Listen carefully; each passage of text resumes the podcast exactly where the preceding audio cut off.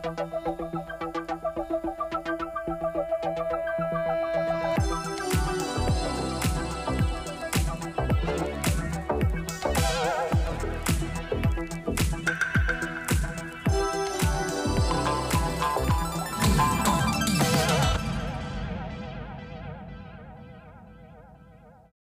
Poważny program publicystyczny musi e, mieć ten element, czyli wodę, szklankę wody. Ja, ty moja lubisz wodę? woda. Ja bardzo lubię wodę. Ja lubię lać wodę. A po...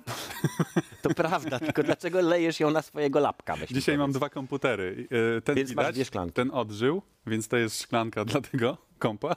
I jest jeszcze tutaj schowany jeden komputer. Jakby mu się chciało pić. Na wszelki wypadek wziąłem, ale tak już dla bezpieczeństwa. Tak, to ja, ja też odsunę. zabiorę na wszelki Poczekaj, wypadek. Zasięg Tak. dłoni sprawdzę, to jeszcze nie. Jeszcze, jeszcze trochę dalej powinienem. O, Wyszło, wyszło poza, poza kadr? Teraz- poza kadr. Dobra, jest bezpiecznie, możemy jest bezpiecznie. zaczynać. Tak jest. Także Radosław witamy. Nałęcz. Tadeusz Zieliński, zaczynamy FOPA.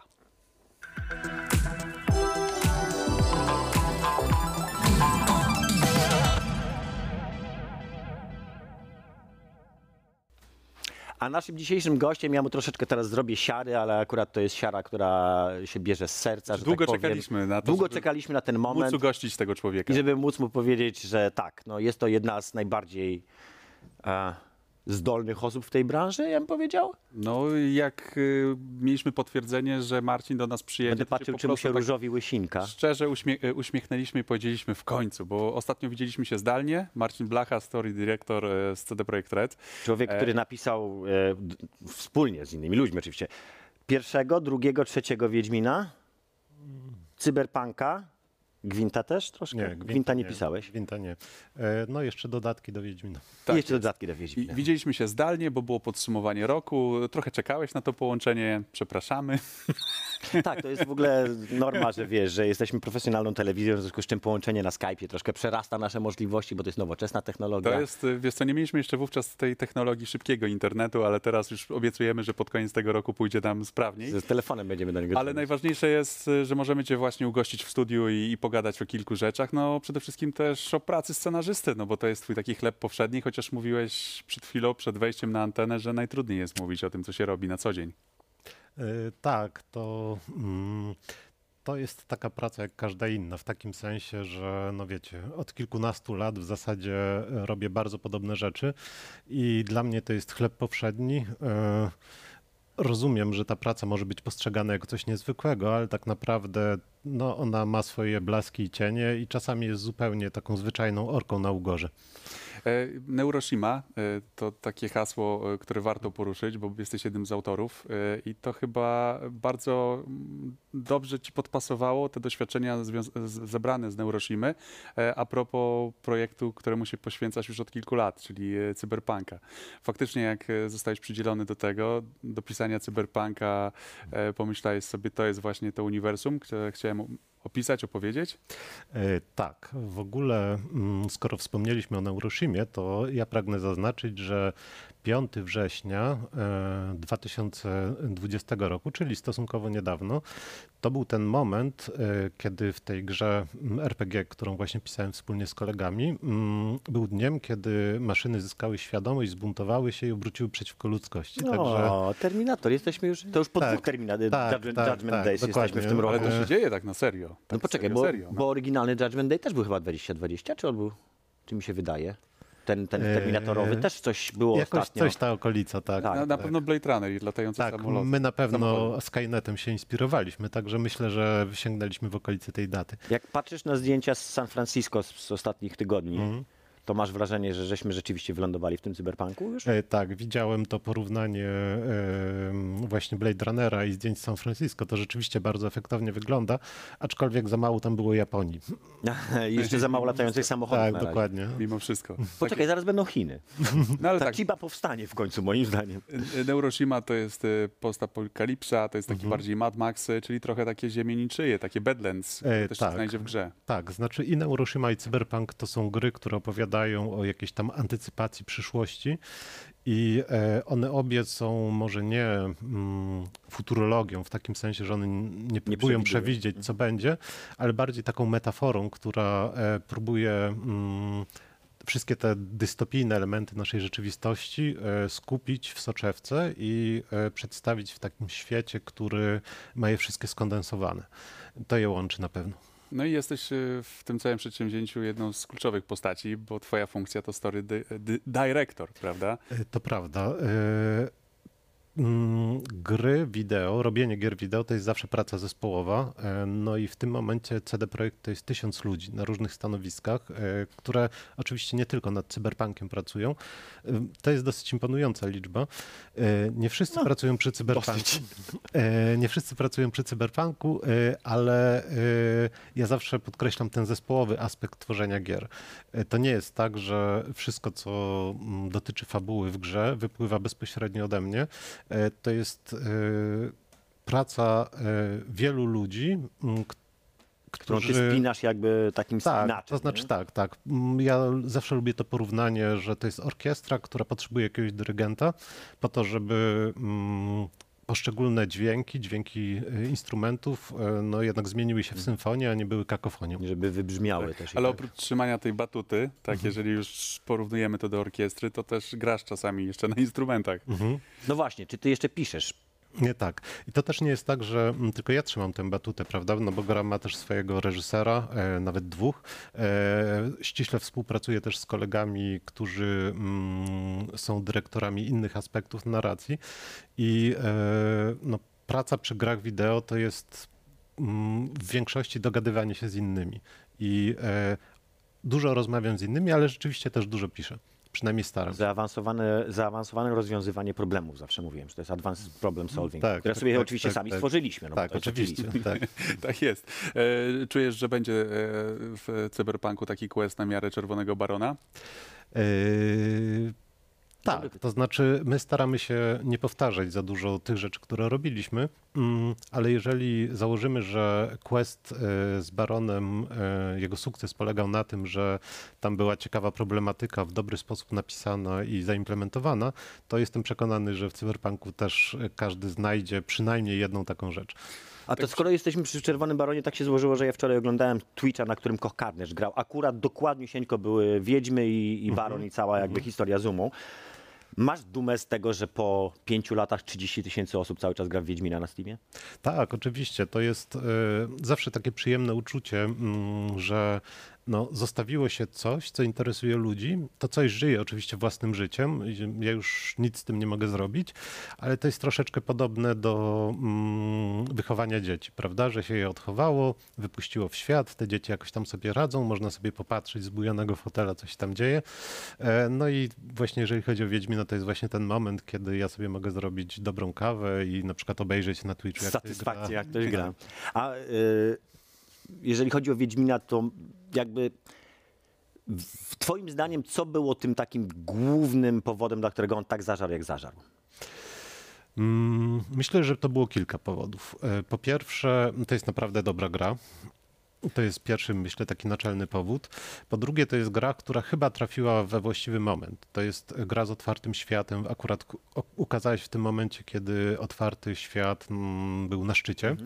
E, To jest gra, która ma mm, świetnie w ogóle stworzony świat. Ja zawsze powtarzam, że jeżeli miałbym wskazać tę rzecz, która jest najlepsza w Wiedźminie, to jest właśnie świat. World building. Dokładnie. World building naprawdę e, w tej grze niesamowicie wyszedł. E, To jest też gra, w której każdy znajdzie coś dla siebie. To znaczy, to jest gra, w której e, bardzo przyjemnie się eksploruje. To jest gra, w której e, są bardzo fajne questy. To jest gra, w której writing jest na światowym poziomie. Mm, No Jak i mówiliśmy, nie? No, Mm, e, No i to jest gra, która mm, miała bardzo dobry marketing i ten fan, fanbase, który ona zbudowała, to jest bardzo wdzięczna społeczność, która nas kocha i którą my bardzo kochamy. No i bez tej społeczności e, myślę, że to na pewno nie byłby taki duży sukces. Ale czy ta popularność e, i ta miłość też nie bierze się z tego, że ludzie po prostu też lubią fantazy i na przykład grupa fanów fantazy jest większa niż fanów e, science fiction? Czy, czy to w ogóle jest mierzalne? E, Czy, czy to jest jedna z tych części składowych? Można, można faktycznie e, w ten sposób też myśleć o tej, o tej, o tej skali? Trudno mi w zasadzie powiedzieć. Na pewno mm, Skyrim, który wyszedł kilka lat wcześniej, on przetarł nam troszeczkę szlaki i zaostrzył apetyt na fantazy. E, fantazy też wydaje mi się ma taki troszeczkę niższy próg wejścia, bo e, była gra o Tron, e, Właśnie to chciałem powiedzieć, że Wiedźmin i Wiedźmin i Skyrim wyszły w bardzo konkretnym momencie popkulturowym, że tak powiem, na świecie. W czasach, kiedy absolutnie rządziła gra o tron. I mi się wydaje, że to też miało bardzo duże znaczenie dla sukcesu i jednej i dru- i drugiej gry. Zwłaszcza Skyrima, który był de facto, umówmy się, po prostu grą o tron w formie gry. E, No tak, właśnie. I myślę, że też niektóre koncepcje w grze są łatwiejsze do zrozumienia, nawet jeżeli ktoś w ogóle nie zna fantazy i po prostu kupił sobie grę i ma ochotę e, pograć groźnym wojownikiem i przeżyć jakieś przygody. No właśnie, to jest ciekawe, no bo jeżeli wejdziemy teraz do świata cyberpunka, to wiele z tych e, rozwiązań e, funkcjonuje też w takim codziennym, naszym życiu, tak? Sporo w programie rozmawialiśmy e, o cyberpunku już i mówiliśmy i o tych okularach, i o tym smartfonie, i o tym, że faktycznie ludzie już żyją w tej technologii, więc to powinno być bliższe niż jakieś krasnoludy, prawda? Które się okazuje, że niekoniecznie. Ale wydaje mi się, że teraz akurat myśmy sobie zbudowali dobre czasy na, Tak. na Cyberpunka, na premierę Cyberpunka i w sumie to dobrze wam zrobiło, że żeście się troszeczkę opóźnili, bo wyszło Altered Carbon, bo wyszedł Blade Runner, bo jakby cały ten cyberpunkowy świat nam się zaczął pokazywać po prostu przed oczami i wydaje mi się, że to wam bardzo pomoże też w znalezieniu tego klienta, który się odnajdzie właśnie w tym świecie. Mm, To prawda. Był też Ghost in the Shell. Mm, Przy czym e, ja nie sądzę, żeby wszystkie te produkcje były aż tak popularne jak Gra o Tron. E, I wydaje mi się, że mm, cyberpunk w innych mediach, e, on nie przyjął się aż tak dobrze właśnie, nie, nie przeżył takiego powiedzmy renesansu. Mówię renesansu, bo kiedyś był Władca Pierścieni, wszyscy pamiętamy. Nie przeżył takiego renesansu jak właśnie fantazy. Przy czym no, z mojego punktu widzenia mm, Oczywiście ja nie zajmuję się sprzedażą gry, jej marketingiem. E, Mi aż tak bardzo nie zależy na takiej powszechności tej gry. E, Ja jestem odpowiedzialny za to, żeby ta gra była jak najlepsza i na tym mi najbardziej zależy. Tak, tak. Ale pamiętamy różnego rodzaju takie kontrowersje, które mniej lub bardziej zabawne się e, wydawały, jakby z perspektywy czasu, że e, ludzie na przykład mieli problem, że pokazujecie zwiastun w ciągu dnia, że to miasto w ogóle jest pokazane jako dzień. E, na- Znaczy, jakie miasto, które funkcjonuje w ciągu dnia, że przecież ten cyberpunk to powinien być Że ono się nazywa Night City, no to jak może być w i, ciągu i tak dnia? dalej, więc trochę, trochę graliście tak też e, pewnie celowo, tak, żeby trochę sprowokować e, odbiorców, no bo to też przekłada się na odpowiednią liczbę publikacji i na taki szum wokół tytułu, który jest e, w obecnych czasach no też e, potrzebny. E, To prawda, przy czym tutaj w grę wchodzi jeszcze jeden element. Em, Gry CD Projekt Red, one mają e, bardzo dużą taką siłę kulturową, siłę oddziaływania kulturowego. I my mamy mm, okazję, żeby po prostu mm, redefiniować gatunki. E, I Troszeczkę tak było z Wiedźminem. Mm, Te wcześniejsze Wiedźminy, nie wiem czy pamiętacie, Wiedźmin 1 był e, reklamowany jako ta gra, która właśnie redefiniuje gatunek RPG. Wiedźmin 3, on w zasadzie stał się inspiracją dla wielu studiów, które zaczęły robić gry ala Wiedźmin 3, na, na przykład Assassin's Creed Odyssey. Odyseja, Tam wprost twórcy Horizon. przyznają dokładnie, że się Ghost inspirują. No Horizona to nawet nasi Dokładnie. koledzy robili poniekąd, tak? No Pojechali właśnie. robić tam przerywniki. E, Z kolei w e, przy Hori- Horizonie e, e, kilku ludzi, którzy wcześniej pracowali przy Wiedźminie. E, Czyli to jest rzeczywiście bardzo duża siła oddziaływania, taka siła inspirująca i e, tworząc cyberpunka, my mieliśmy świadomość tego, przynajmniej ja, że my nie jesteśmy zdani tylko na kopiowanie już istniejących wzorców. Że jesteście demiurgami po prostu w tym momencie. Jesteśmy demiurgami, tak. Czyli nasz cyberpunk nie musi być e, tą tonącą w deszczu, w nocy metropolią, e, w której gra ta smętna jazzowa muzyka. My możemy sobie pozwolić na stworzenie innego rodzaju cyberpunka, który być może gdzieś tam zawiera te noirowe elementy, ale no, nie wyczerpuje wszystkich możliwości, e, jakie można u nas spotkać. Ale faktycznie jednym z tych takich głosów krytycznych był e, głos jednego z ojców, czyli e, Williama Gibsona, który Mhm. wprost powiedział, że ten cyberpunk to tak, takiego cyberpunka nie wymyślił i i jakby on tak nie do końca się identyfikuje z, z Jak waszą zagra, to się zidentyfikuje. Także, także, także gdzieś tam y, sięgając y, bardzo mocno e, w przeszłość, no bo tytuł już powstaje kilka lat, no i y, przede wszystkim Cyberpunk, no to są Stany Zjednoczone i to jest najfajniejsze wyzwanie, że właśnie to Polacy robią te Stany Zjednoczone, tak? Że musieliście się trochę pewnie mm, rzeczy y, no, naoglądać, pojeździć, pogadać, poszukać Właśnie. jakichś źródeł inspiracji. Jakie były inspiracje poza oczywistymi, czyli filmami, takimi klasykami? Jakie były inspiracje literackie, kulturowe, popkulturowe, które, z których żeście najwięcej korzystali? Mm, Ja najpierw zdementuję to, że mm, to tylko Polacy tworzą cyberpunka, bo mm, CD Projekt Red w tym momencie jest w zasadzie firmą międzynarodową. W zasadzie takim urzędowym językiem, powiedzmy przy ekspresie do kawy, to jest język angielski.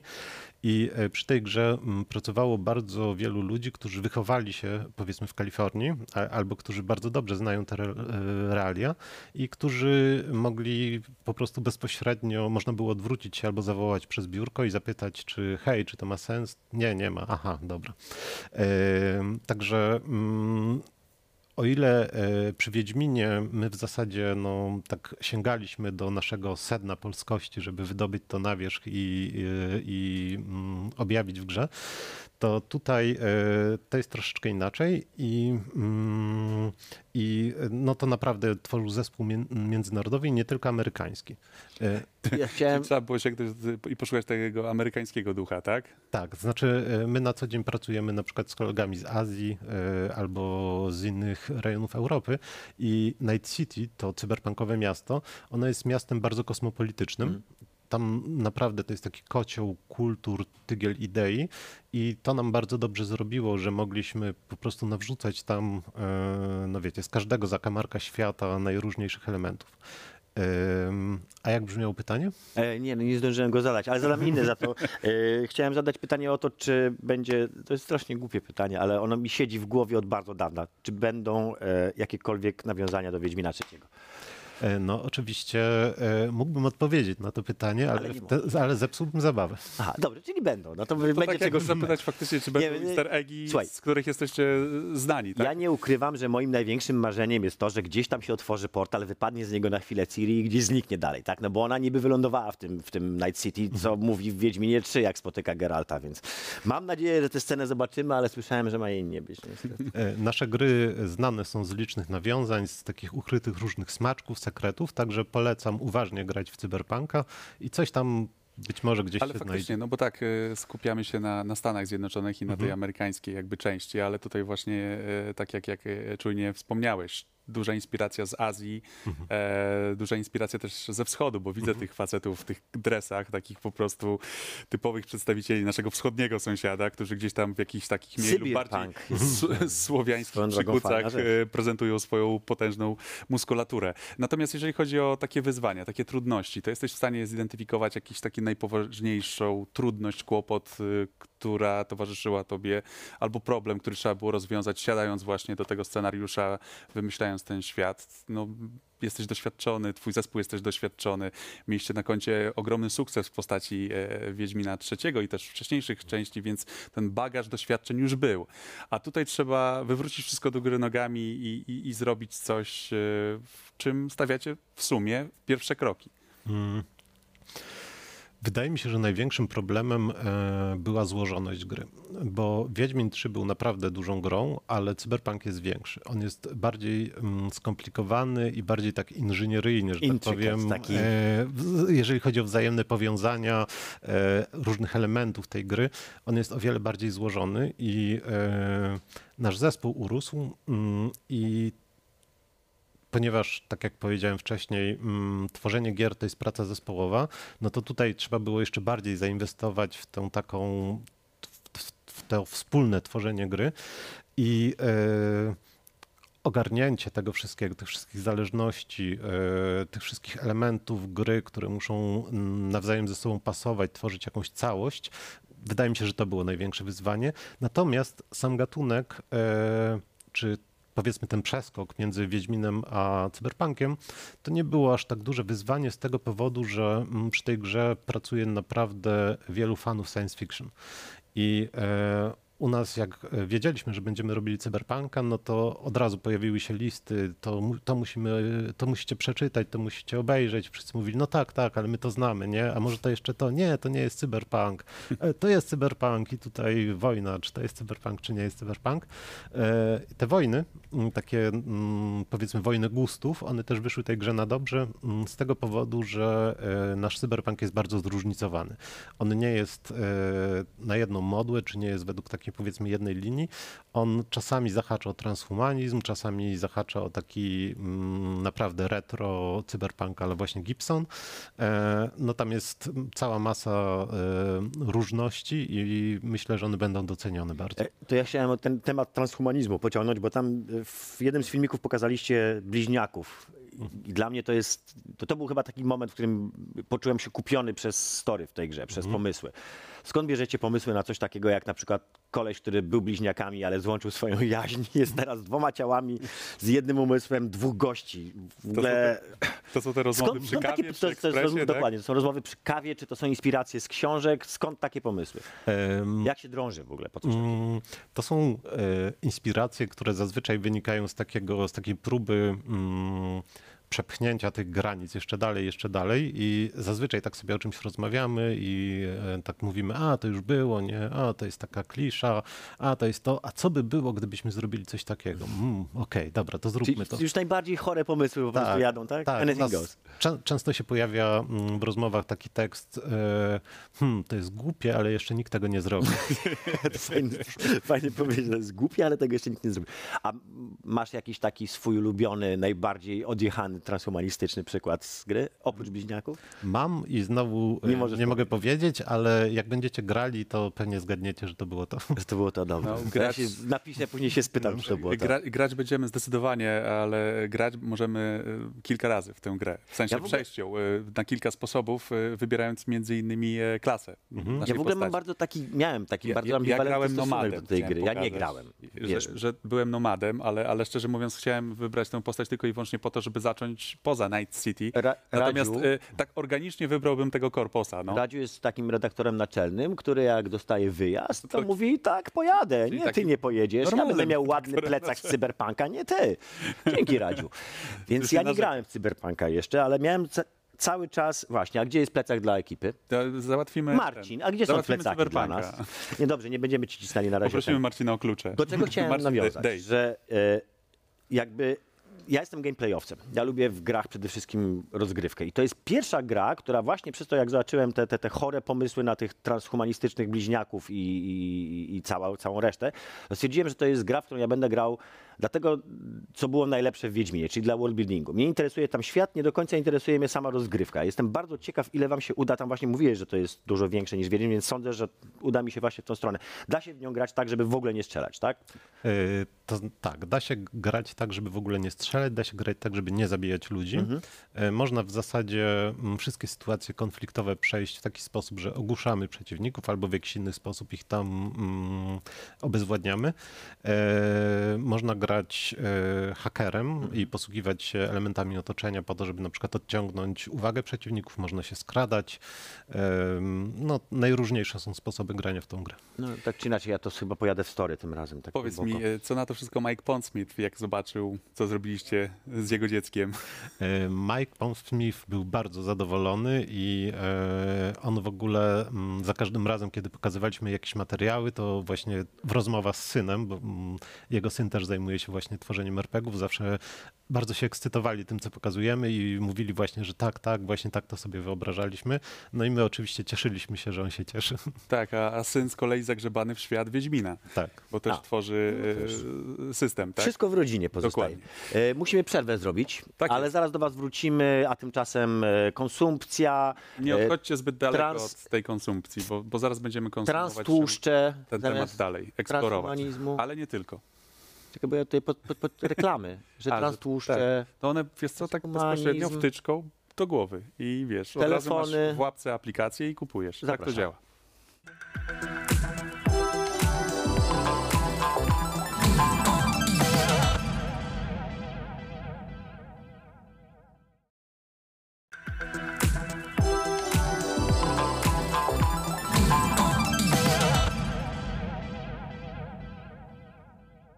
No cóż, Dzie- Dzień Dziecka e, we wrześniu, ponieważ dzisiaj e, mamy takie, taki odcinek, gdzie spełniliśmy swoje marzenie, żeby zaprosić Marcina Blachę do studia i Marcin nam już od ponad 20 minut opowiada różne Wytrzymuje ciekawe rzeczy 20 związane minut. z cyberpunkiem, ale też e, to nie jest jeden, jedyny temat, dla którego zaprosiliśmy Marcina i o którym chcielibyśmy po prostu z Marcinem pogadać, no bo Ja, poczekaj, bo ja bym chciał jeszcze zrobić rzecz, której żeśmy nie zrobili na początku, a powinniśmy się byli Marcina o to spytać. No to bo Marcin, bardzo. ty pracujesz w teleprojekcie od tysiąca lat, ale przedtem chyba jeszcze coś robiłeś. schwierig. To Mm. opowiedz troszeczkę jeszcze o swojej historii przed, przed teleprojektowej, Zanim czyli latach. podobno ta rozmowa rekrutacyjna w kuchni, e, ta słynna, o której można między innymi przeczytać w wywiadach. E, Tak, e, ja pracuję w CD Projekcie od 14 lat. Wcześniej pracowałem w wydawnictwie Portal. To jest takie wydawnictwo, które istnieje do dzisiaj e, i które w moich czasach e, wydawało głównie czasopismo i fa gry fabularne w formie papierowej, książkowej. Obecnie jest e, jednym z takich największych w Polsce wydawców gier planszowych. E, Kiedy ja tam pracowałem, e, wydawaliśmy podręczniki do gier RPG i moja praca polegała na tym, że przychodziłem, siadałem przed komputerem, pisałem te podręczniki, pisaliśmy je bardzo szybko e, i w sumie mm, nigdy nie liczyłem, ile ja tam słów napisałem, no ale to jest cała jedna półka książek. A skąd się wzięła w ogóle fascynacja fantastyką, tak jeszcze wcześniej, przed wejściem w RPG? Mm. E, To jest w sumie taka z perspektywy czasu dla mnie fajna historia. E, Moi rodzice mieli znajomych i chodzili do nich na imprezy. I to były takie imprezy, no wiecie, które czasami do bardzo późno trwały. E, I, no, I zabierali zabierali Marcina. Tak. e, I ja tam nie za bardzo miałem co robić, ale ja bardzo lubiłem czytać. A ten znajomy, który był panem domu, on miał bardzo bogatą bibliotekę fantastyki. No i rodzice tam pili, a e, ja e, dostawałem do czytania książki. To jest piękne, no. Wspaniałe Patologia i jednocześnie nauka i Ale jakie wszystko razem. wspaniałe dziecko, jak wiesz, jak, jak jesteś rodzicem, to to doceniasz, że No tak. dziecko zajmuje się samo, Samo sobą, jeszcze czyta poważne książki. To co było pierwsze? Hobbit. Hobbit. Mhm. A u mnie Władca Pierścieni. Właśnie też pomyślałem, że dokładnie to był, jak żeśmy zaczęli mówić, to ja sobie tak pomyślałem, co było moim takim triggerem do fantastyki. Hobbit, a potem Duna, to sobie też ostatnio Tak, tak, e, Władcę Trailer Duny. Pierścieni kupiłem sobie sam, e, wydając pieniądze, które dostałem od rodziców na zakup wyprawki szkolnej. Nice. E, Dobry chłopak. To były no. czasy, kiedy, wiecie, chodziło się na takie bazary szczęki jeszcze i to było to takie słynne wydanie, W twardych? e, nie, w miękkich. Miękkich już, Tak, tak, tak, tak, tak. E, I e, ja je miałem wydrukowane z błędem i nie miałem całego tego fragmentu, jak hobbici trafiają do Toma Bombadilla O. i przez wiele, wiele lat nie wiedziałem w ogóle, że Tom że Tom Bombadil Bombadil istnieje. istnieje, Tak. to najpotężniejsza osoba Tak, w ogóle w całym Nie świecie. wiedziałem nic też o upiorach kurhanów. Boże, a to jeden z, z lepszych fragmentów No i książki. zacznij po prostu te doświadczenia takie od, od bo- maleńkości, jak się potem przydają. Duny? No właśnie. e, Duna. Trailer tak, Dune. no ja jestem fanem filmu Lyncha. No wiem, że to jest kontrowersyjne. Oglądałem go dwa dni temu, zestarzał się. E, Ja też go obejrzałem przez Jako weekend. fan nie dopuszczam do siebie twojej opinii, E, e, Żeby nie było, ja jestem też fanem, tak? Ale no, mm, e, nowy trailer bardzo mi się podoba. E, ja staram się nie jarać e, nowościami, ale w tym przypadku się jaram. Jarasz się. Tak. No mi też, że mówiąc tak. A y, jeżeli chodzi o film Lyncha, to reżyserska, czy ta E, wszystko jedno. reżyserska jednak? Ja zwróciłem uwagę, wiesz, na fantazyjne gacie Stinga. Na, No cudowne, no, to naj, naj, najsłynniejsze gadki w to ogóle. po prostu... Znaczy, ja, jak go zobaczyłem, to tak sobie przypomniałem, że jednak Cal McLachlan to nie jest dobry aktor. I to jest mój największy problem, że on jest strasznie słabym polem, także... O, no, jako naprawdę fan nie mogę tutaj krytycznie powiedzieć. Dobrze, A ale nowy jaramy Pol? się... A nowy Pol? Jak, jak... E, nie, jest zupełnie w porządku. W ogóle bardzo podoba mi się obsada Casting i mhm, tak. I myśl, myślę, że to będzie, e, znaczy mam nadzieję, że to będzie dobry film. Znaczy mi się wydaje, że po Wilnewie który zrobił e, No. nowy początek, potem zrobił Blade Runnera kolejnego i zrobił robi- Sicario. No on nie ma słabych filmów na razie na, To- na koncie, więc To wydaje raczej mi się, możemy że być spokojni. będzie Ja obiecująco. Jedyne, czego żałuję, że to nie będzie serial, bo e, Właśnie, bo to będzie pierwsza połowa książki w ogóle tylko, zdaje się. Tak? Że- Tak, to A, ma to być połowa, to ma być właśnie, to chyba były Mają dwa tomy jedynki. tak, A, no tak, to- tak, to tak, tak. nawet I właśnie to mnie strasznie rozczarowało. Mhm. No, to mnie bardzo rozczarowało, zwłaszcza, że film trafia w bardzo słaby moment w, Mhm. w kalendarzu wydawniczym i jest szansa, że sflopuje po prostu. Ale pobił wszystkie rekordy trailer, za to oglądalności ma chyba z 20 milionów wyświetleń, więcej niż Batman. Mhm. Więc jest taka mała szansa, że jednak nam się uda. a w Dune jest taki fragment, e, ja go lubię cytować, e, że mm, Bóg stworzył Dune, żeby sprawdzać wiernych, także e, zostaniemy sprawdzeni i No. nasza wiara zostanie poddana próbie. Dobrze. A potem taki zespół hip-hopowy zrobił piosenkę Pamiętaj o melanżu. Także to po prostu się bardzo kręci to wkoło- suche, ale, ale, ale jednak nawiązuje Dobrze, do Dune. ja bym chciał przejść do takiego tematu teraz ważnego, poważnego i ogólnego, czyli mojego ulubionego. Czy uważasz, że twoja praca ma przyszłość? Czyli Hmm. krótko mówiąc, oczywiście, żeby jeszcze to szybko rozszerzyć, czy nie uważasz, że y, historie generowane przez graczy są przyszłością tej branży? Nie sądzę. Znaczy, branża się oczywiście zmienia i wygląda mm, obecnie zupełnie inaczej niż w momencie, jak ja zaczynałem pracę przy grach komputerowych. I ten emergent storytelling, czy mm, w- ogóle w szczególe historie mm, generowane przez graczy, one są na pewno jakimś e, aspektem storytellingu, który zawsze będzie miał swoich fanów. Natomiast e, wydaje mi się, że zawsze będzie zapotrzebowanie na historie, które mm, są do, mm, wyreżyserowane i dobrze opowiedziane, mm, ponieważ one też mają swoje zalety. No dobra, ale to, to ja, ja nie wątpię, że to dalej będzie istniało, tylko czy nie masz wrażenia, że to po prostu się skończy w niszy, tak jak się skończyło z kinematografią jakąkolwiek wybitną, tak, taką bardziej ambitną, a nie, a nie taką, która tylko i wyłącznie schlebia najbardziej prostym gustom. E, masz taki tytuł, jak rozmawialiśmy zresztą o tym, masz to Among Us, prawda, czyli grę, która jest na dokładnie przeciwnym końcu spektrum w stosunku do Cyberpunka. Cyberpunk kosztuje setki milionów złotych. Pracuje przy nim tysiąc osób. Jest nieprawdopodobnie wysmakowany technologicznie, wizualnie i tak dalej. A tutaj masz gierkę, którą pewnie zrobiło z jakieś sześć osób. Ma zero grafiki, sprowadza się do interakcji między ludźmi i okazuje się, że jest teraz największym sukcesem na Twitchu, gdzie oglądają codziennie po 150 tysięcy ludzi. Ona konkuruje z tymi najbardziej popularnymi grami e, multiplayerowymi. I specjalnie właśnie mówię o tym Among Us, bo to jest gra multiplayerowa, ale to jest gra, która się całkowicie sprowadza do opowiadania historii. Tak? Wszystko, co się dzieje w tej grze, dzieje się pomiędzy ludźmi. Nie masz wrażenia, że to będzie ewoluowało tylko i wyłącznie w tą stronę. Znaczy może nie tylko, ale głównie w tą stronę. E, Ja w ogóle jestem bardzo ostrożny, jeżeli chodzi o przewidywanie przyszłości, bo mm, gdybyśmy na ten temat rozmawiali, nie wiem, powiedzmy 5 lat temu, to pewnie też nie odgadlibyśmy, że taka gra powstanie, że ona będzie się cieszyła dużym zainteresowaniem i w ogóle nie byłoby tego tematu. I mm, branża się cały czas rozwija, ale też cały czas różnicuje. I e, powiedziałeś, że, że coś znajdzie się w niszy i moim zdaniem mm, to nie będzie tak, znaczy moim zdaniem branża bardziej zdąża w tym kierunku, że będą istniały nisze, które będą skierowane w określony tam target i jedni będą chcieli grać w to, drudzy będą chcieli grać w to, jedni będą czasami chcieli grać w to, a inni w to. I e, wydaje mi się, że to nie jest jakiś taki ogólny, że nie, nie można mówić o jakimś ogólnym trendzie, takim głównonurtowym, tylko bardziej o takiej dywersyfikacji i y, o takim podziale na różne, tak, segmentowaniu na, na różne typy opowiadania historii. Znaczy, wiesz co, moje, moje narzekactwo, czarnowictwo bierze się troszeczkę z tego, że jak patrzę na naszą branżę przez ostatnie lata, to mam wrażenie, że czas takich firm jak CD Projekt to się kończy generalnie, tak? Bo jak patrzymy, jak, jakie gry odnoszą sukcesy, ile osób je robi i za jakie pieniądze, to nagle się wydaje, że y, robienie AAA za setki milionów to jest nieprawdopodobne ryzyko. Znaczy, wy macie tą dobrą sytuację, że prawdopodobnie ta gra się sprzeda, tak? Nawet jeżeli nie będzie miała super ocen, to jakby samą masą, którą żeście stworzyli, tak? Jesteście w stanie to, to sprzedać, ale jak się patrzy na inne gry, no to ta nasza, nie masz wrażenia, że branża się pauperyzuje? Mm, nie wiem, prawdę mówiąc. E, I to jest takie szczere, nie wiem. Em, Nie jestem analitykiem. To wszystko pewnie wynika z jakichś statystyk, jakichś liczb, których ja po prostu nie znam. Mm, I tutaj właśnie skłonny byłbym bardziej e, skierować to pytanie w stosunku do kogoś, kto rzeczywiście e, robi jakieś analizy. Ja wiem na pewno, że zawsze będzie zapotrzebowanie na opowiadanie historii, między innymi opowiadanie historii przez gry. Mm, To też nie jest tak, że ja jestem przekonany, że zawsze się będzie opowiadał historię w ten sam sposób.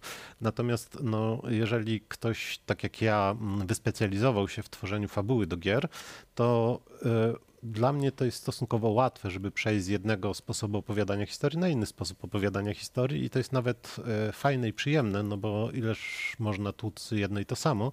I e, nawet jak mm, my przeskakujemy z jednego projektu do drugiego projektu, to zawsze staramy się to zrobić w jakiś trochę inny sposób, żeby się też nie wypalić, czy żeby mm, na nowo nawiązać kontakt, e, na nowo nawiązać kontakt z kolejnymi pokoleniami graczy. A w jakie gry ty ostatnio grywasz w ogóle? Jak masz czas, powiedzmy w ten E, sposób. Tak, i, i ja ostatnio aż tak strasznie dużo nie grywam, No, ale, jak wszyscy deweloperzy. tak, ale ostatnio e, zrobiłem coś, czego zazwyczaj nie robię i kupiłem grę w preorderze. Mhm. I to było Crusader Kings 3. I e, uruchomiłem tę grę, żeby zagrać sobie Bizancjum. Czyli też emergent gameplay, bo te wszystkie Oczywiście. strategie to są totalnie emergentne gry, tak? Oczywiście e, Europa Universalis w ogóle, która jest moją ulubioną grą Paradoksu, to jest po prostu czysty emergent gameplay i storytelling. Słyszałeś ostatnio, co zrobił jeden z gości właśnie chyba w Crusader Kingsach? E, tak, tak. Tak. Papieża. Zjadł papieża. Tak, tak, Strasznie mi tak, się tak. to podobało. I- tej grze można zjeść papieża, tak?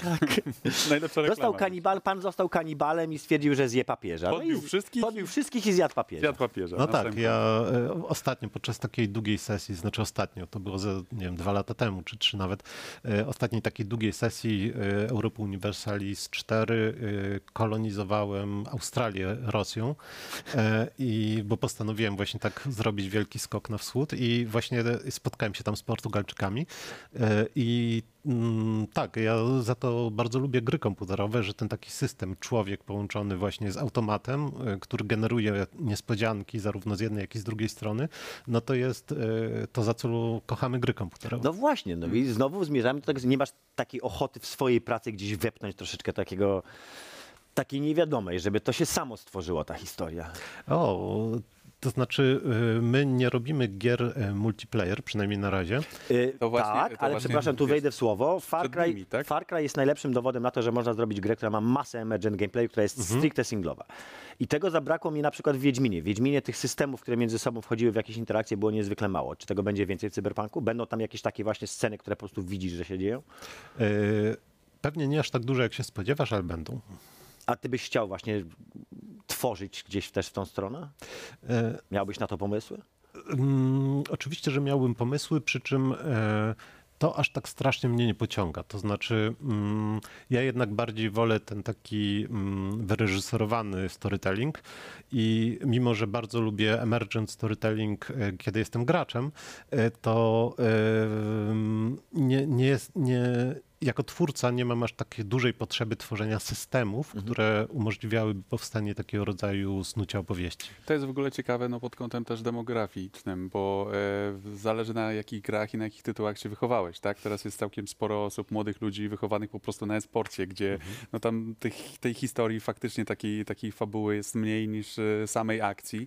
E, i, I to jest właśnie e, o tyle ciekawe, że zobaczymy właśnie jak to wpłynie... Fabuły nie, historii na, tak. na, na, na, To się, na, się na nie zgodzę. Gier, tak? Uważam, że akurat Ja- historie te gry multiplayerowe opowiadają, tylko one nie mają fabuły. To Tylko wiesz, ja, ja jestem na przykład y, fanem y, kampanii, y, znaczy kampanii fabularnych, opowieści w grze i dla mnie to właśnie brzmi jak takie science fiction, że coś się może kończyć, bo ja cały czas wybieram takie tytuły, e, które są no, przede wszystkim opowieściami zamkniętymi, bo też nie, nie, nie mam aż tyle czasu, żeby do gier wracać, ale myślę, że jeżeli ktoś mi daje właśnie taką możliwość wyboru przejścia jednym bohaterem, drugim, trzecim, gdzie rzeczywiście poczuję taki, taki, taki że moje decyzje mają faktycznie kształt, znaczy wpływają na ten świat, no to, no to jest to jakaś taka zachęta, żeby ponownie e, wejść, do, e, wejść do tej gry. Natomiast no mówię, ja jestem taki bardzo linearny w tych, w tych swoich na przykład wyborach. Nie? Wiesz, Ja mam właśnie ten problem, że do wiesz, Wiedźmina jest mi ciężko pod wrócić 40, teraz.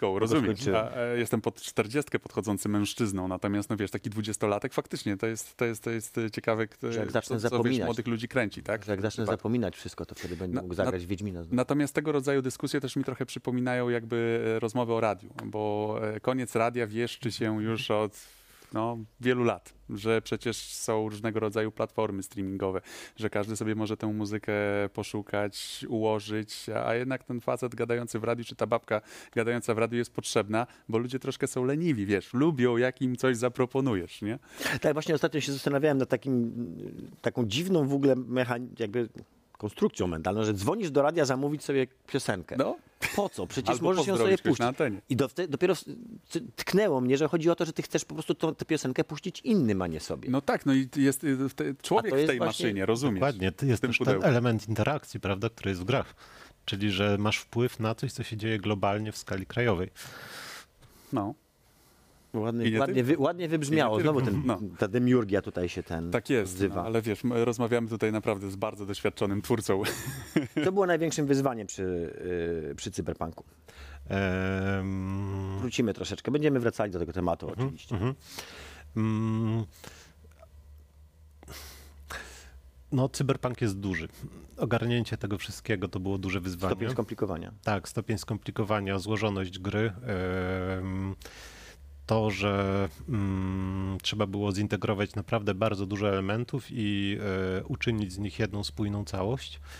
Mm, To wydaje mi się było najważniejsza rzecz. E, Natomiast no, na pewno nie było wyzwaniem ani gatunek, e, ani to, że musieliśmy przeskoczyć z fantasy do science fiction. Mm, O, były takie obawy, że Retum nie robisz tylko Wiedźmina i że nie jest wcale powiedziane, czy uda się też przy cyberpunku, zwłaszcza, że też zmieniacie perspektywę, tak? A to jest swoją drogą moje pytanie, bo to mnie boli od samego początku. Dlaczego to jest FPP? Dlaczego nie zdecydowaliście się na pokazanie awatara w grze, której chcesz oglądać swojego awatara, chcesz zobaczyć, co on na siebie założył? Jak, ma, jak, jak zmienia się też jego Jak ciało. zmienia tak, się jego ciało na tej przykład. technologii. Dlaczego, dlaczego w ten sposób? Mm, Wydaje mi się, że powody były dwa. Po pierwsze, y, to jest gra, w której się strzela, a strzela się lepiej z perspektywy pierwszej osoby niż Mm. osoby. A, Debatable. mhm.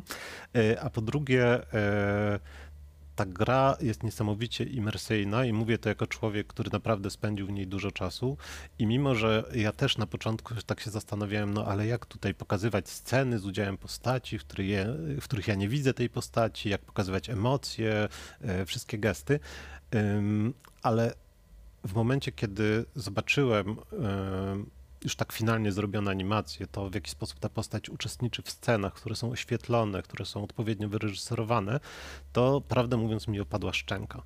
I, e, Hardcore Henry.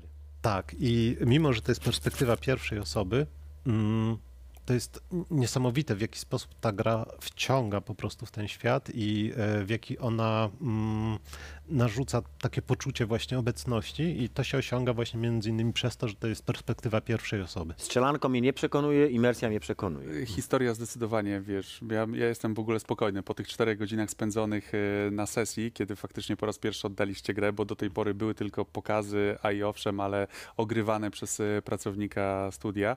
Natomiast no, cztery godziny spędzone w grze sprawiły, że miałem ochotę wrócić, ale też była fajna taka moja obserwacja, że wiesz, Marcin jest dyrektorem, ale to jednak jest ten etos pracy, że dyrektor dogląda takim, wiesz, gospodarskim okiem, co się dzieje na tym hands-onie. I, I faktycznie widziałem Marcina e, podczas tej sesji, gdzie siedziałeś e, z kajecikiem i zapisywałeś sobie różne rzeczy i nawet przed e, nagraniem zapytałem, co ty tam właściwie zapisywałeś i na co zwracałeś uwagę i chciałem jeszcze powtórzyć to pytanie tak na wizji.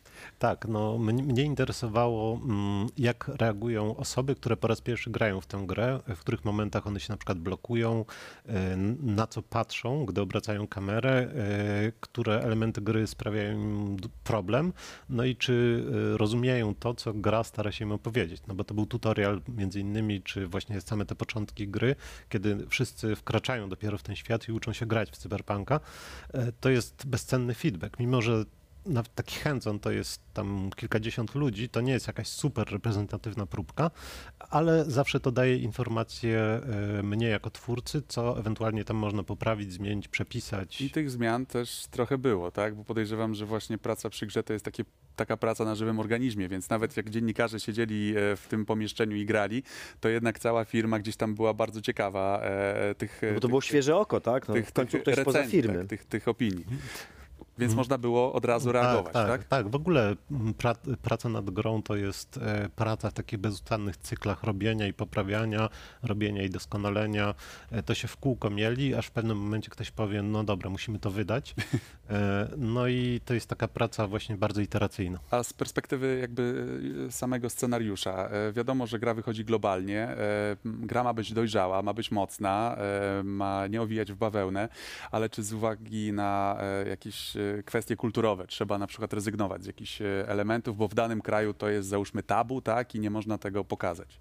Czy tego rodzaju problemy Chiny. wystąpiły? E, Znaczy, my tworząc grę jesteśmy mm, świadomi istnienia tych ograniczeń i my staramy się mm, nie szukać jakichś takich kontrowersji na siłę, które właśnie naruszałyby jakieś tabu istniejące w krajach, czy jakieś takie mm, ograniczenia kulturowe. Oczywiście e, takie rzeczy istnieją. Mm, Dlatego Golizmy, poruszacie tak? temat E, transseksualizmu na w przykład Polsce. nagość, tak? Tak, Golizma, Brawo. Która jest gdzieś tam banowana w niektórych mm, miejscach. tak. Wkładanie kija w mrowisko. Znaczy, z naszej perspektywy to nie jest wkładanie kija w mrowisko, to jest po prostu przedstawianie świata, prawda? Te rzeczy istnieją w świecie, no więc dlaczego nie miałyby istnieć w naszej grze? E, No jak to? Bo to zboczenie przecież. No, y, to jest, znaczy gra, tak samo jak każda, każde inne dzieło typu książka czy film, y, ono dostaje się w ręce gracza. I to gracz jest tym, który to odbiera, ocenia. Naszym zadaniem jest dostarczyć mu materiał do interpretacji, prawda? Gra jest maszynką do interpretacji. E, My jako twórcy nie postrzegamy tego jako manifestu, czy jako, mm, nie wiem, właśnie jakiego, jako Nie właśnie taki- pliczujecie, tak? Nie tak, próbujecie nie, nie być próbujemy na siłę prostu... wkładać kija w mrowisko. My po prostu mówimy, mm, no tutaj dostajesz coś takiego mm, wewnątrz samej gry i poza grą, bo gra ma też życie oczywiście mm, pozagrowe.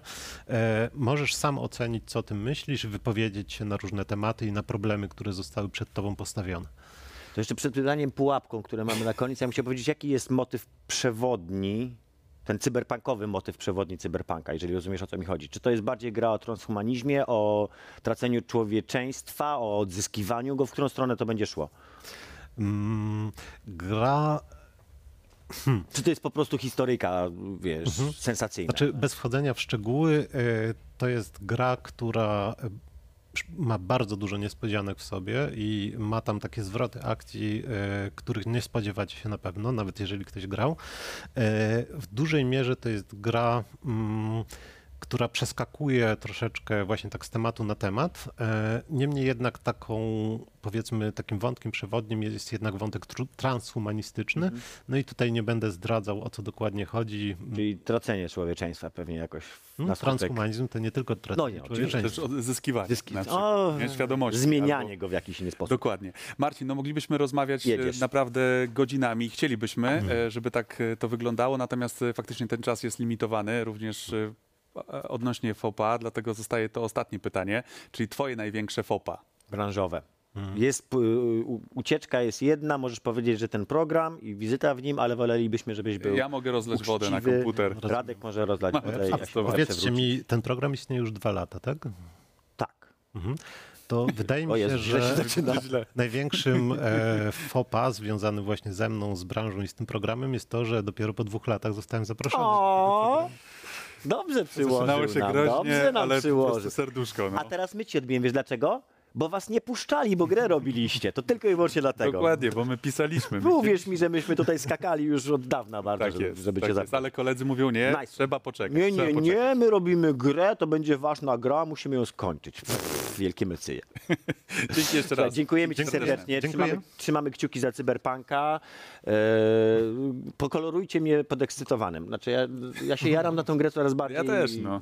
Im, im, że bliżej, Im bliżej premiera. No ja właśnie nie jestem, więc No, ale myślę, że życzę ci tego, żebyś stał się fanboyem. dobrze. To w takim razie teraz jeszcze jedna przerwa na konsumpcję, tak? I Tak. wracamy za chwileczkę na różne różności. Jeszcze raz dziękuję Marcinowi Blasz. Dziękuję. Dzięki. Dzięki.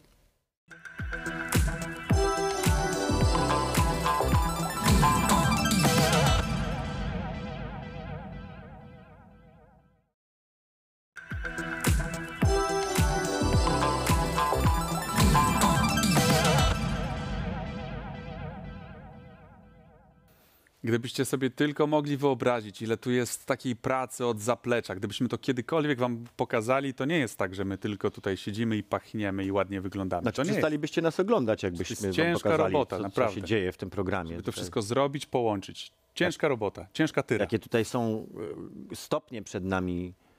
W ogóle. Kłody. Kłody rzucane pod nogi, Tak. technologiczne i inne. Ale udaje się, jesteśmy silni. Nie jest łatwo, ale Każdym nowym próbujemy. doświadczeniem jesteśmy jest. silniejsi. Próbujemy, to wszystko dla was, żebyście mogli nas oglądać. Tak jest. Wiecie. Różne różności, czyli trzecia część e, programu FOPA, obowiązkowa oczywiście, e, niczym szatnia albo WZ-ka. Nadal trwa konkurs na rozszyfrowanie, skąd wziął się, e, wzięło się to, to określenie, ten tytuł. I nadal możecie wpisywać swoje odpowiedzi w komentarzach. Nadal nie widziałem, żeby ktoś odpowiedział, szczerze mówiąc. Może dlatego, że zawsze to przywitanie w tej części wypada. Tak? Wy wyrzucamy je, tak? Rzucają je na montażu potem. To teraz powiedzmy to, o tym tyle razy, żeby się już nie dało. Bo to jest Chodź, program do tematu. na żywo, ale w studiu, wiesz. Tak, chodź, przejdziemy do tematu, studiu na żywo, ale staćmy. O. Bo jak szybko zaczniemy, to nie będą mogli wyciąć, bo będzie za mało To materiału. nie na przegadamy, No dokładnie właśnie. tak. E, zaczynamy od e, ogłoszeń związanych e, Parafialnych. z e, Xboxem. No, Xbox, Ogłoszenia parafialne Xbox, związane z Xboxem. Wszystkie te karty już tak rozłożył, już wszystko i powiedział, A Xbox sprawdzam. zrobił tak, PlayStation kareta.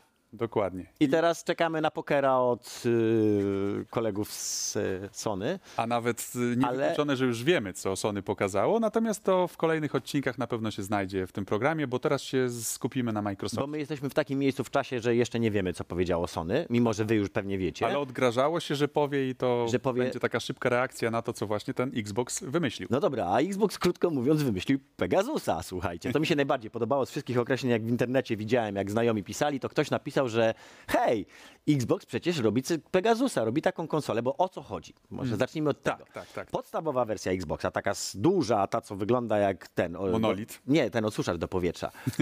tak? Czyli ten X, ten X, Series X. Przepraszam. Series X. I Series X, tak. On będzie kosztował 499 dolarów, czyli w Polsce 2249 249 zł. on, tak jest. Czyli dużo. W sumie to jest chyba najdroższa konsola na starcie, Ale jaka była tak w Polsce. Dużo jak zakładano. W sensie No taniej myśmy niż zakładali zakładano. 2500, ale, Także nawet ale pod 3 podchodziły te ceny. Tak szczerze mówiąc, były takie e, tak, ale cały że czas 3, konsole 300, radził jakoś na tak. premierę zawsze kosztowały poniżej 2000 albo w okolicach 2000. Tutaj ta magiczna Mhm. bariera została przebita, ale na szczęście Xbox daje nam też, jak to się mówi ładnie, out. Czyli taką, taki sposób na wyjście z twarzą z tej całej sytuacji i tym No, Wersja bez dziurki. Wersja bez dziurki i wersja bez dziurki jest niczym innym jak e, właśnie Pegasusem, czyli krótko mówiąc jest to konsola, która ma zainstalowane 100 gier. Tak jest. Tak na starcie, tak dzień Na dobry. starcie macie 100 Tutaj gier. jest start. Nawet pan więcej niż 100 Włączy gier. ten start i to, to już działa. No i tych 100 gier jest, znaczy więcej niż 100 gier jest z tego, że e, Xbox w swojej wersji najprostszej, czyli Xbox, jak to się nazywa, One S? Mm, To jest e, Xbox- Series S. Series S, i- Series e, S. Także Siri, wiesz. generalnie. Xbox, Xbox. Tak jest. Ja jeszcze, ja jeszcze, ja jeszcze A poczekaj, tylko... skończyłem myśli, że? Xbox Dobrze, w tej swojej podstawowej wersji będzie kosztował złotych, uwaga, 1599, tak? 1500, 109. 1500, 100, 900, czyli będzie bardzo tanią konsolą jak na, jak A, na a nawet nowy sprzęt. 1349. 1349. 1349, czyli naprawdę nie, to jest 299 dolarów? Czy... Tak. Chyba ja, tak, Ja chciałem 399. uzupełnić e, i szybko sprawdziłem, że e, cena konsoli e, Xbox 360 e, na starcie premierze? to było 479 dolarów. No, 99 poniżej centów, nie? 2000, bo tam 1000. Można jeszcze oczywiście sprawdzić kolejną gener- generację. Ale do czego zmierzamy? Że Xbox w tej wersji bez dziurki, czyli bez napędu e, na płyty, będzie miał i automatycznie zainstalowany Game Pass i to co więcej, można będzie go zdaje się, że kupić z Game Passem w, tak jak telefon, że, Tak, że tak, będziesz to opłacał jest, To plan. jest jeszcze jedna opcja właśnie, plan taryfowy. Plan taryfowy, więc będzie można go kupić za 50 zł, tak? Czy jakieś tam 100 No, zł, pewnie Podobno się opłaca. Tam jak ktoś policzył, e, że przez dwa Że lata warto. oczywiście musisz być zobowiązany i opłacać co miesiąc e, ten, No ten tak, ale abonament. i tak ale podobno opłacał. wychodzi lepiej i taniej nawet niż e, zapłacenie ceny premierowej plus załóżmy No bo pełen jeżeli to by abonament. było Tak. 5, 5, 100 zł miesięcznie na przykład, załóżmy, tak? Może być więcej, ale nigdy To by to było 100 chyba zł mniej miesięcznie. ten- To same dwa pasy, które zostały dołączone do Xboxa, i bo to jest kluczowe, że Xbox wyjdzie z Game Passem, czyli z całą e, biblioteką w tym momencie Tak, to Microsoftową. jest Xbox All Access 99 zł miesięcznie. There you go. No. który sam z siebie kosztuje 59 zł, ten Game Pass, Mhm. tak? A do tego jeszcze dołożyli, to się nazywa EA Play, o ile pamiętam. I Tak. to nie jest ten najlepszy pakiet elektronikowy, ale to jest pakiet, w którym są wszystkie najważniejsze gry elektroników. Czyli wszystkie Battlefieldy, wszystkie, nie wiem, Battlefronty, Gwiezdnowojenne, Dead Space'y, wszystkie te wielkie gry, które znacie, to one tam będą dostępne od razu A jest jest taka e, tradycyjna, I to też kosztuje standardowa, 59 zł. wiesz, tradycyjna, standardowa e, praktyka e, Microsoftu to też zawsze dodanie jakiegoś e, kodu na na przykład miesiąc za darmo albo trzy miesiące za darmo, tak? Usługi Game Pass, kiedy Także kupujesz konsolę. Po Bardzo mi się podobało podsumowanie właśnie jednego z moich kolegów, który napisał, że to jest dokładnie tak jak kiedyś ojciec, jak miał kupić tę jedną zabawkę na komunię swojemu dziecku i nie wiedział co kupić, to szedł do sklepu, tak, szedł na bazarek i kupował Pegasusa, a teraz sobie pójdzie i kupi sobie I teraz bardzo ciekawe, co na to zrobi Sony, bo Sony ma teraz twardy orzech do zgryzienia, będą się bili na ceny, na pewno w tym momencie tam do ilu możemy zejść.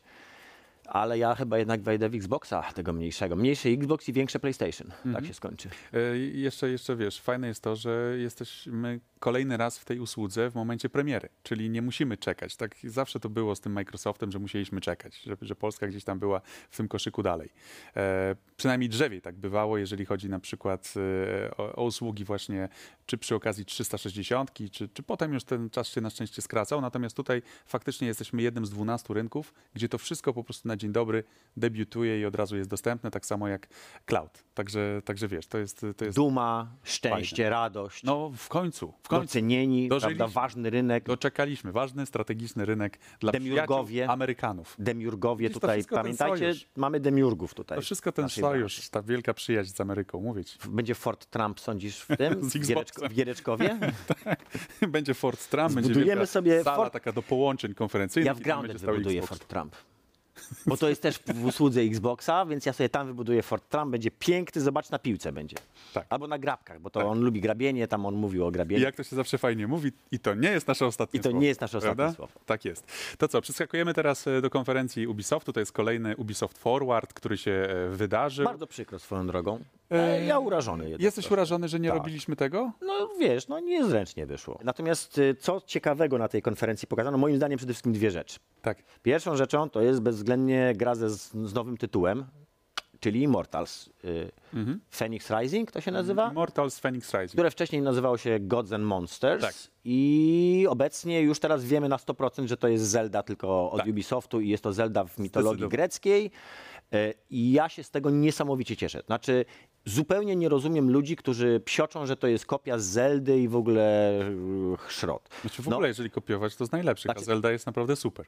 To, to jedno. Dwa, Zelda wyszła tylko na, wyłącznie na jednej platformie. Dwóch, ale umówmy się, że ta jedna jest nieważna. Nie? Bo Mówię o Wii U. Ona wyszła na Wii U czy Na na... Switcha przede wszystkim. Ale przede wszystkim na Switcha, jest prawda? tytuł startowy. Więc umówmy się, że jest to gra, która jest dostępna w bardzo ograniczonym jakby mm, zasięgu. To jest pierwsza rzecz. Druga rzecz jest taka, że Zelda sama z siebie jest jednak dosyć specyficznym tematem. Znaczy ja osobiście mitologii Zeldy nie lubię, bo ona jest dla mnie dziecinna i taka... A tutaj masz tą grecką mitologię. A tutaj masz mitologię, która się... To wiadomo, że to też będzie dziecinne i głupie, ale przynajmniej się odnosi do, do czegoś, co jest nam bliższe. Tak? Tak, w sensie masz- nam masz kulturowo... Miecz Achillesa, łuk y, Odyseusza, Będą próby, będą Dedala. próby Herkulesa, tam już widać było, że było strzelanie przez ten, e, Tak. strzałą przez pierścienie Możesz słynne. z minotaurami Achilles? walczyć, wiesz, pokonywać. Który to robił? E, Jakieś strzelanie przez, się pojawiają. strzelanie przez, przez siekiery. To który był? Cześć, zapytajmy nasz głos. Głosie. Głosie, kto tam? Kto strzelał przez siekiery? Herkules? No, O, dobrze, na Odyseusz. To Odyseusz. nam podpowiada. Dobrze, dobrze odpowiedziałeś. Kam kamerzysta nam podpowiedział. Zaraz Świństwo mu powiedzieć za to, że to jest Jezus, pomógł- Operator kochany Pomógł, nasz. Powiedział, a ty jeszcze obraziłeś. Tak? Odyseusz. Więc wybacz, e, gra jest. On taki jest. O. no więc. gra- Już mnie nie będą pokazywali teraz. Tak, teraz będą pokazać E, stół. więc gra się prezentuje bardzo ciekawie jak dla mnie, bo pozwoli tym ludziom, którzy dotąd nie grali na, na Switchu, zagrać sobie w naprawdę coś wyjątkowego, jeżeli uda im się oczywiście dociągnąć ten sam poziom co Zelda, a wygląda na to, że uda. Uda się, bo to E, zwiastun taki, wiesz, fragment rozgrywki kilku, znaczy tam kilka minut, co prawda, chyba do dziesięciu, to No nie, fajnie, no tam 15 minut pokazali. 15? rozgrywki. Tak, ja oglądałem całą, całą ale prezentację. super się długą. to właśnie fajnie to się działo, te, te, te wszystkie elementy i to było widać Zelda. angażujące. No, widać, że jest to dobrze skopiowana Zelda, ja jestem za szczerze. Plus asety z To Asasyna. zasety z Assassina, bo to wszystko jest zrobione na, na Assassinie. UI z Assassina, tak, to Tak, akurat wiadomo, mitologia grecka. Natomiast... Nie y, jedną grę o tym Ubisoft zrobił. Natomiast była jeszcze jedna gra i to była gra, która dla mnie była absolutnym, stuprocentowym takim highlightem całego wieczoru. No jednak Riders Republic, to jest A, moje jednak, bo serce, ty po prostu lubisz, zabiło, lubisz, nie? zabiło na maksa szybko, zwłaszcza, że mało kto wie, ale ja wylikowałem dosyć dawno temu, jakieś dwa lata temu, przypadkiem wylikowałem, że robią Steepa 2, bo mi powiedział kolega z Ubisoftu. Steep 2, A ja dokładnie. zupełnie nie myśląc, byłem przekonany, że to już jest oficjalna informacja. Mówię, no tak, to tam Steep 2 tam w Ubisoftie przecież już robią. z- Czym się różni e, ta część, że rowery dodali, tak? Tak naprawdę dodali rowery i to jest jedyna zmiana taka duża. I widać, że to jest po prostu ewolucja Steepa. Steep jest w ogóle grą MMO. Nie wiem, czy macie tego świadomość, że Steep Steep, nie jest taką giereczką od ten, tylko to jest stuprocentowe MMO, w którym jeździmy po górach. Tych gór jest kilka e, i to jest strasznie fajnie zrobione. To jest to, że Ubisoft, to, było, to wyszło w okolicy e, The Division, które jako pierwsze chyba w grach Ubisoftu wprowadziło technologię fazowania, czyli czegoś takiego, że jak gramy sobie na jakimś serwerze, to jesteśmy jakby przerzucani pomiędzy warstwami tego, e, tego e, serwera i dołączani do różnych grup ludzi. Czyli na przykład wchodzimy do słynnego Dark Zone'a, czy w przypadku Steepa jedziemy sobie po górze i nagle obok nas przejeżdża drugi kolega. I on przejeżdża dlatego, że on był po prostu jakby wybrany przez grę do tego, żeby wrzucić ją do, nasze, do naszego layera, do naszej warstwy gry, tak, do tego naszego odłamka jakby serwerowego. Na tym właśnie jest zbudowany cały Steep, że to, to, to mnie strasznie jarało w tej grze, że tam jeździsz sam, ale co chwilę ktoś koło ciebie przejeżdża i widać, że tam są i ja- jacyś weterani, którzy mają tam, nie wiem, level 60 i zupełnie nowe osoby, które mają level pierwszy. I dokładnie na tym samym widać, że będzie zbudowane Riders Republic, przy czym też widać, że oni poszli troszeczkę w stronę Fall Guysów, mi się wydaje tam. Że tam będą takie Fall Guysowe mini gry jakby, gdzie będziecie mogli w całym tłumie ludzi, tam nie wiem, kilkadziesiąt osób, coś robić. E, widać, że są wszystkie najważniejsze rzeczy ze Steepa wzięte, czyli narty, snowboard, jetpack, ten, te słynne skrzydła dubajskie, takie wiecie, do latania i e, para, tak, spadochrony, które są moim zdaniem strasznym krapem, ale dobra, one są do zwiedzania. No i moja ulubiona rzecz zdecydowanie, czyli wingsuity, tak? Czyli, Tak, czyli tak. te wiewiórcze ubranka do latania. Za- Zapowiada się nieźle. Zapowiada się nieźle. super. No i dodali do tego rowery. Rowerów jest chyba sześć typów, samych rowerów. Widziałeś tą prezenta- te prezentacje? Nie widziałeś? Wiesz co, ja się Tam tak jest nie jaram sześć tą typów- grą po Tam prostu, jest sześć typów rowerów. tego. Downhillowe, wyścigowe, są kolarki. Bo ja widzę twój po prostu entuzjazm. I Wiesz, ja kupuję ten entuzjazm, nie? Że Bo ja się- lepszy niż ta prezentacja Pamiętasz, jak się jarałem Descenders? Tym o rowerkach, co jeździłem w rowerki. Ja widziałem, jak ty... Rowerki są tym samym co Riders Republic, tylko, tylko rowerkami i jednak no, ze słabszą grafiką. No, ja tutaj liczę, że Tak. to jednak będzie też wypa- wypas graficzny. I ja z kolei, wiesz co, coraz bardziej jakby zaczynam kupować Legion Watch Dogs. Ja A nie, to ja już co, jestem na- Coraz, wiesz, coraz bardziej chcę w to zagrać. To będzie dobra cyberpunkowa gra, moim I zdaniem. właśnie cyberpunkowa, bo też poszli jakby w ten trop, wiesz, muzyki miejskiej, zatrudnienia, wiesz, Tak, tylko oni poszli w przewidywanie przyszłości. Tak? Oni zrobili co innego niż cyberpunk, bo cyberpunk, i to nam Marcin powiedział przecież, że, Transhumanizm. że to jest, ale przede wszystkim, że to nie jest próba przewidywania przyszłości, tylko jest to próba stworzenia swojego własnego, swojej własnej wizji przyszłości, oderwanej troszeczkę, niekoniecznie ewoluującej z tego, co się dzieje teraz. Natomiast Legion w 100% jest rozwinięciem naszej konkretnej, tej sytuacji na świecie, Brexit, którą mamy teraz. Wielka Brexit, y, techno, technologia, która przejmuje kontrolę nad światem, Kontrola nad ludźmi. kontrola nad ludźmi, no... Inwigilacja permanentna, Dokładnie, prawda? tak, Rzeczy, czyli- które właściwie się dzieją, tak? No zwłaszcza najśmieszniejsze to akurat, że w Londyn jest chyba najbardziej jednym z najbardziej okamerowanym miastem w e, Europie. Tam są kamery CCTV, czyli te takie kamery y, przemysłowe, security, tam bezpieczeństwa i tak dalej. One są wszędzie. Wszędzie, wszędzie, wszędzie. Idziesz i po prostu są, wiesz, całe takie pęki kamer na... Ale to będzie taka faktycznie piaskownica, nie? Taka po prostu, wiesz, gra z szeregiem możliwości, gdzie można jakby zwerbować dowolnego przechodnia, dowolnego człowieka e, i to też jest fajnie ograne. Fajny, fajny humor jest e, w tej grze, że Ja na się- przykład, wiesz, masz e, płatnego mordercę, który ma czkawkę, więc on się zupełnie nie nadaje na e, misje ciche, nie? Bo na przykład było to pokazane, że gość się czai gdzieś tam za jakimś tam, wiesz, pudełkiem, e, stoją przeciwnicy i on nagle I oni, no, i jest, wiesz, alarm no podniesiony bardzo. Natomiast y, ja mam jedną uwagę co do tej gry, która się bierze z z Watch Dogsów dwójki. Watch Dogsy dwójka były bardzo fajną grą, tylko miały całkowicie skopany movement, tak? Czyli jakby przemieszczanie się. I ja nie wiem dlaczego tak jest, bo jednak asasyny zawsze miały ten, ten, ten, No ten tak, ruch postaci idealny po prostu, idealnie dopracowany, albo Pięknie. prawie idealnie. A tutaj słyszałem już opinie osób, które grały, że nie jest dobrze. I że to jest największy problem. Mhm. I Bo to mnie były bardzo martwi, dlatego że w grze z otwartym światem słabe przemieszczanie to jest dla mnie gwóźdź do trumny. No i jeszcze Aiden Pierce ma się pojawić w DLC, ma być Nie. grywalną postacią i ma być też jakaś tam rozbudowana historia, czyli będzie można wiedzieć, dowiedzieć się, co tam się wydarzyło, tak, e, od części pierwszej do tej obecnej. E, To, co, e, na co zwrócili uwagę e, komentatorzy, to brak e, Valhalla Mhm. Ale to nie dziwi mnie zupełnie, i no bo brak Valhalla ma e, swój... Far Cry'a 6. Nie widzę powodu, no jakby znowu, jakby oni to tam wrzucili, to to by przyćmiło inne tytuły. Mhm. A im chyba zależy na tym, żeby nie wypromować tylko jednej gry w tym roku, tylko czy dwóch, tylko jeszcze tam No parę jeszcze, innych. żeby tak. zrobić też mistrzostwa, bo to było takie ogłoszenie. Przepiękna była ta reklama. Ja myślałem, że oglądam FIFA, szczerze Ja myślałem, że, że moment, nie? co, co jest, Ubisoft robi piłkę nożną? Dobra, żeby nie, nie być e, zbyt tajemniczym w tym, co mówimy, chodzi o to, że Ubisoft zrobił reklamę Mistrzostw Świata w Rainbow Sixa, który jak wiecie jest bardzo popularnym e-sportem. I który pokazujemy na antenie Polsat Games. Pokazujemy na Panie antenie. Kamilu, liczymy na pana. To jeszcze raz. Panie Kamilu, Panie pan wie, Kamilu, gdzie pan- zostawić pieniądze. Tak. U kogo? Tu. Tak. Magic. E, I ta reklama jest zrobiona tak, obejrzyjcie ją, bo warto. Ona jest zrobiona tak, jakby się oglądało reklamę mm, przed pił, meczem piłki nożnej, przed Cudowna mistrzostwami Cudowna piłkę nożną. I dopiero w pewnym momencie się sobie człowiek uświadamia moment, że to jest Rainbow Six, bo tam się ta szóstka pojawia coraz bardziej. Tak, tak, tak. I jest takie, wow. I Tony Parker jako twarz, taka światowa twarz, czyli sportowiec, koszykarz. e, I Tony Parker, Koszykarz, tak. wiesz, który tam ma na koncie sukcesy i on I muzyk jakby ten, ze Stormy. swojej perspektywy takiej sportowej, z doświadczeń ponad 20-letnich, tak Stormzy. wspierał tych sportowców. Stormzy, Stormzy w Watch Dogsach też. Tak, to też. To, Tak, to takie same sławy. tych kolaboracji, które Podobało mi się to bardzo, muszę powiedzieć. Y, Mi się ten Ubisoft Forward podobał. Były tam rzeczy, które mnie interesowały. Właściwie prawie każda rzecz, którą pokazywali, mnie interesowała. No jestem rozczarowany tym, że ewidentnie Beyond Good and Evil utknęło. Słyszałem też troszeczkę historii branżowych, dlaczego Beyond Good and Evil utknęło i historia jest taka, że podobno twórca dosyć rzadko przychodzi do pracy. A ponieważ jest bliskim przyjacielem CEO Ubisoftu, to może się- sobie pozwolić na nieprzychodzenie do pracy. Fakt, jest też taki, że w ogóle e, zanim wystartował ten stream, to też pojawiło się wideo, gdzie e, CEO Ubisoftu przepraszał za rzeczy, które się działy. No tak, no bo jak wiecie, to tak. Czekaj, ja tam myślę, swoją drogą takie żarciki tam robili w trakcie, że o, zobacz, znaleźli trzech, trzech yy, deweloperów z Ubisoftu, którzy nikogo nie molestowali, więc mogli ich wrzucić do filmu. Tu pan. Kamil nie słucha tego. Niech pan nie słucha, ale To sorry, było. musimy o łacha. Natomiast t- kolejny temat, tak już trzeba przyspieszyć, e, to Among Us. To jest gra, która ci Czy my mamy trzy minuty, przepraszam, czy my mamy trzy minuty do technologii, czy jeszcze z technologiami? minuty.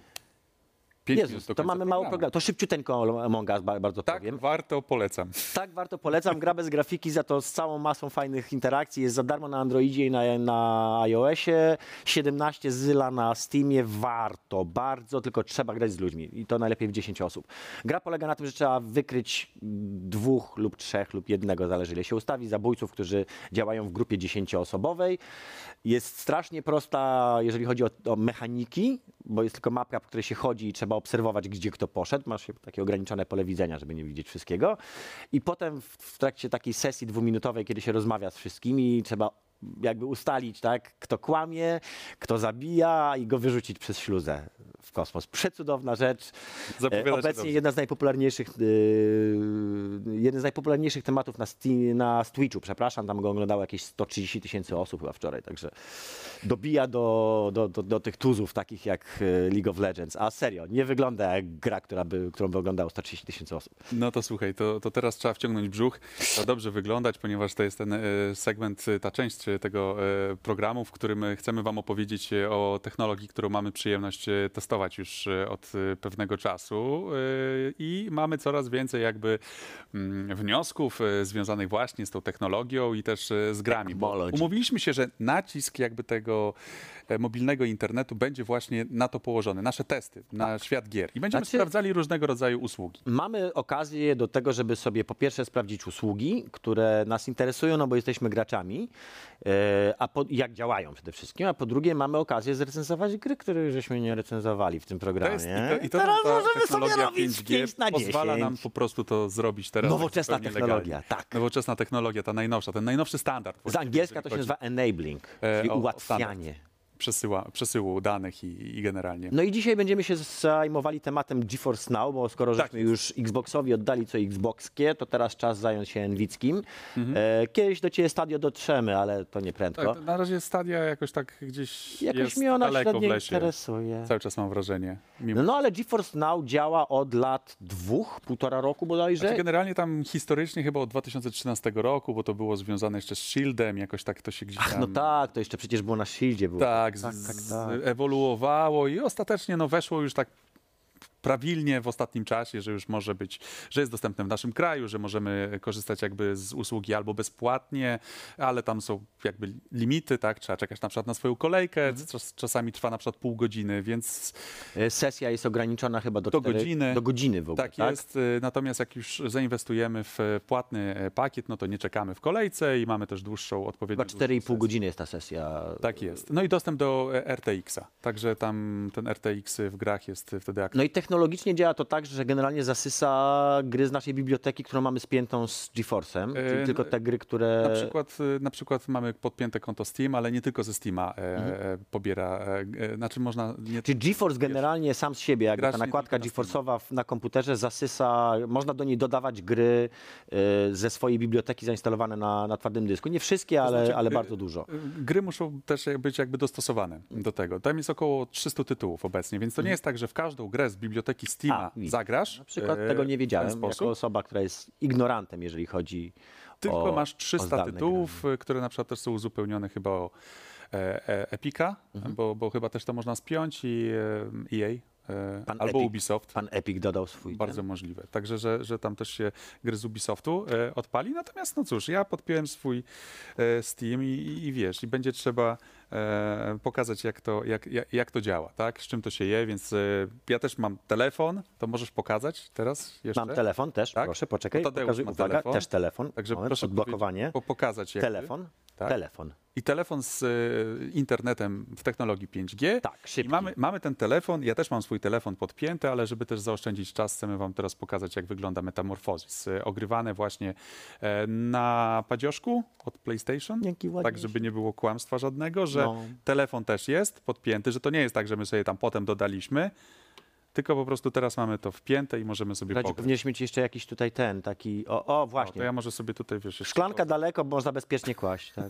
ta szklanka to, to Dobra, Radziu idealna tutaj sobie była. robi, y, instaluje się tutaj giereczkowo, to ja wam szybko opowiem, o czym jest Metamorfozis. Otóż jest to adaptacja Kawki.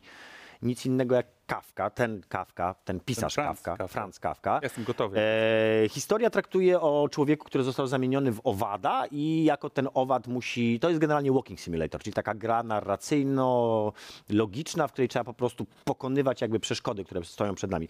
Iść przez świat, jednocześnie odkrywając historię. Ta historia jest bardzo kawkowa, czyli taka właśnie tam na samym starcie kolega tego, tego robaka Budzi się z takim kacem. budzi się z kacem, zamienia się w robaka, ale widzi później swojego gigantem. kumpla, do którego przychodzą oficjele i stawiają go w klasycznie kawko, kawkowskiej sytuacji, czyli jest pan aresztowany. Za co? Nie możemy powiedzieć. E, może się pan bronić. Jak? Nie możemy panu powiedzieć, tak? Dokładnie. Ja cały czas gram, żeby nie było. To, E, Radziu gra, mam nadzieję, że tam ten sygnał jest przechwytywany, piękny. W ogóle gra jest prześliczna, to trzeba jej przyznać, że ma strasznie, strasznie fajną stylówkę, taką pastelowe kolory, bardzo fajna animacja tego robaczka.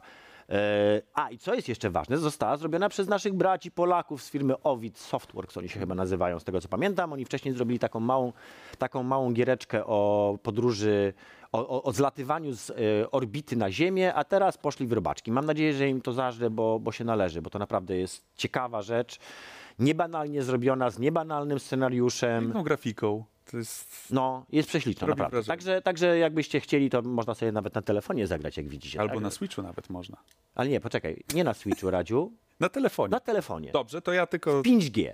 Tak, to mi się tak wym, wymsknęło. Wymsknęło to się, się, to absolutnie, wytnie, Radek. To prawda? się wytnie, a Radziu zostanie tutaj, wiecie, Po godzinach. skarcony. Posprząta studia. Radziu, czas nam się kończy. Musimy się żegnać, Już? przestań grać w grę. Już? Radziu, nie graj Znaczy, w ja grę. tylko już. chciałem jeszcze tylko jedną rzecz tutaj pokazać. O, że... A, o i robaczek prawie spadł. I co? I wlazłeś na krzesło. No i jestem na krześle. Bardzo fajnie to wygląda na takim małym ekraniku, nawet chyba lepiej niż na tym. Radosław Nałęcz, Tadeusz Zieliński. FOPA, Dziękujemy kolejna. bardzo. Dziękujemy Wam bardzo. Do usłyszenia zobaczenia. I zobaczenia.